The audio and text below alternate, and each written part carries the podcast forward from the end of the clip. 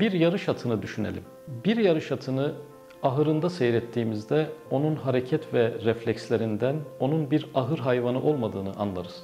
Onun geniş ovalar ve düzlükler içerisinde özgürce koşmak üzere programlanmış bir e, hayvan olduğunu görürüz. Atın reflekslerine, onun beden yapısına, beyin beden dengesini kullanış biçimine baktığımızda onun özgürce e, düz ovalarda koşmak için yaratıldığını anlarız. Atın o daracık ahır hedeflenerek yaratılmadığını görürüz. Bu sonucu atın bazı huysuz davranışlarından bile çıkarabiliriz. Büyük bir balık türünü küçük bir havuzda incelediğimizde de aynı şeyi düşünürüz. Bu balığın hareketlerinden, sıkılmış bunalmış hallerinden onun bu daracık havuz için değil, büyük okyanuslar için yaratıldığını anlarız. Anne karnındaki bebeği gözlemleyince de aynı şeyi düşünürüz. Onun el, ayak, göz, kulak gibi organlarını incelediğimizde bu organların anne karnı hedeflenerek verilmediğini anlarız. Bu organların ona anne karnı için değil, hariçteki bir dünya için verildiği apaçık bir gerçektir. Gözün varlığı görüntülerin, kulağın varlığı seslerin, midenin varlığı hariçteki gıdaların hem ispatı hem de işaretidir. İnsanın ruhi ve psikolojik özellikleri de incelendiğinde onun daralmış, köşeye sıkışmış hallerini yeterince düşündüğümüzde bazı gerçeklere ulaşırız. İnsanın ruh halleri incelendiğinde onun başka alemlerin öğesi olduğu rahatlıkla anlaşılabilir. İnsanın bu dünyayla bir türlü doyamaması, bir türlü tatmin olamaması, birçok şeye sahip insanların bile yaşamdaki hırsını gideremiyor olması, insanın asıl yaşam merkezinin burası olmadığının göstergelerinden biridir. İnsanın daralmış ruh hallerinin ve huzursuzluklarının en temel sebeplerinden biri onun bu dünyaya ait olmayan bir varlık olmasıdır. İnsan bu dünyadaki darlıkların ve engellerin olmadığı başka bir alemi arzuladığı her halinden bellidir. Ruh darlıklarının, huzursuzlukların, engellerin, kısıtlılıkların olmadığı bir başka alemi arzuladığı insanın bütün ruh hallerinden bellidir. Hiçbir yumurta yumurta kalmak için, hiçbir çekirdek çekirdek kalmak için, hiçbir tohum da tohum kalmak için var değildir. İnsanın fıtratı da ebediyen var olacağım cümlesine göre kodlanmış olduğu için bu dünyada kısıtlı ve dar bir çerçevedeki yaşamından tam anlamıyla mutlu olması beklenemez.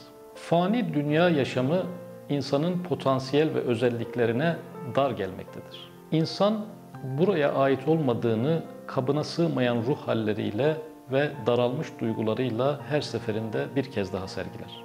Sıkışık bir halde yaşadığını dışa vuran bütün tutum ve davranışlarıyla bu gerçeği gösterir. Diğer varlıklar fıtratlarının gereği olan bütün ihtiyaçlarını gidererek tatmin hali yaşarken insan mahrumiyetler içerisinde kıvranmaktadır. İnsan bu fani ve kısa dünya yaşamına bol ve fazla gelecek pek çok derinlik ve özellikle donatılmıştır. Fanilik damgası içindeki insan bu dünyaya yakışmaz ve onunla pek çok yönden uyuşmaz.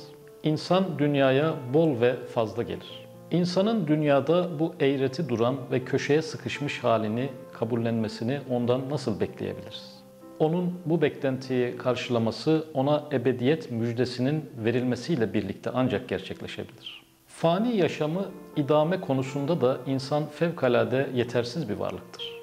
Güneşi insan doğduramaz, yağmuru insan yağdıramaz, kendi kalbini insan attıramaz, dünyanın dönüşünü insan kendi emekleriyle sağlayamaz.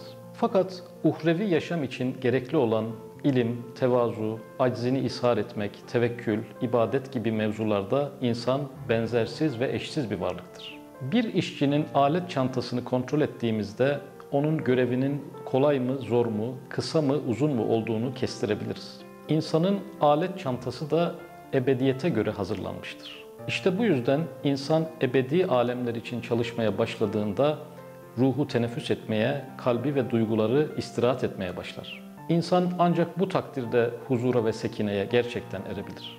İnsan hakiki anlamda sonsuz hayatını kazandıracak işlerle meşgul olduğunda veya sonsuz hayatını kaybettirecek konulardan uzak durmaya çalıştığında gerçek mutluluğa erebilir. Allah sevgisi, Allah'a itaat, zikir, tefekkür, şükür gibi etkinliklerle meşgul olduğu anlarda huzur bulabilir. Çünkü insanın alet çantasının gerektirdiği gerçek işlerdir bunlar. İnsan ruhu ebedi saadet alemine ayarlı ve onu kazanmaya güdümlüdür. İnsanın bu donanımından ötürü fani maksatlar ve fani kazançlar onu mutluluğa erdiremez. İnsan dünyada mutluluğu arayan bir varlıktır. Fakat onun mutluluğu bulamamış olması da apaçık bir gerçektir. İşte bunun temel sebebi insanın ana vatanının burası değil başka bir alem olmasıdır.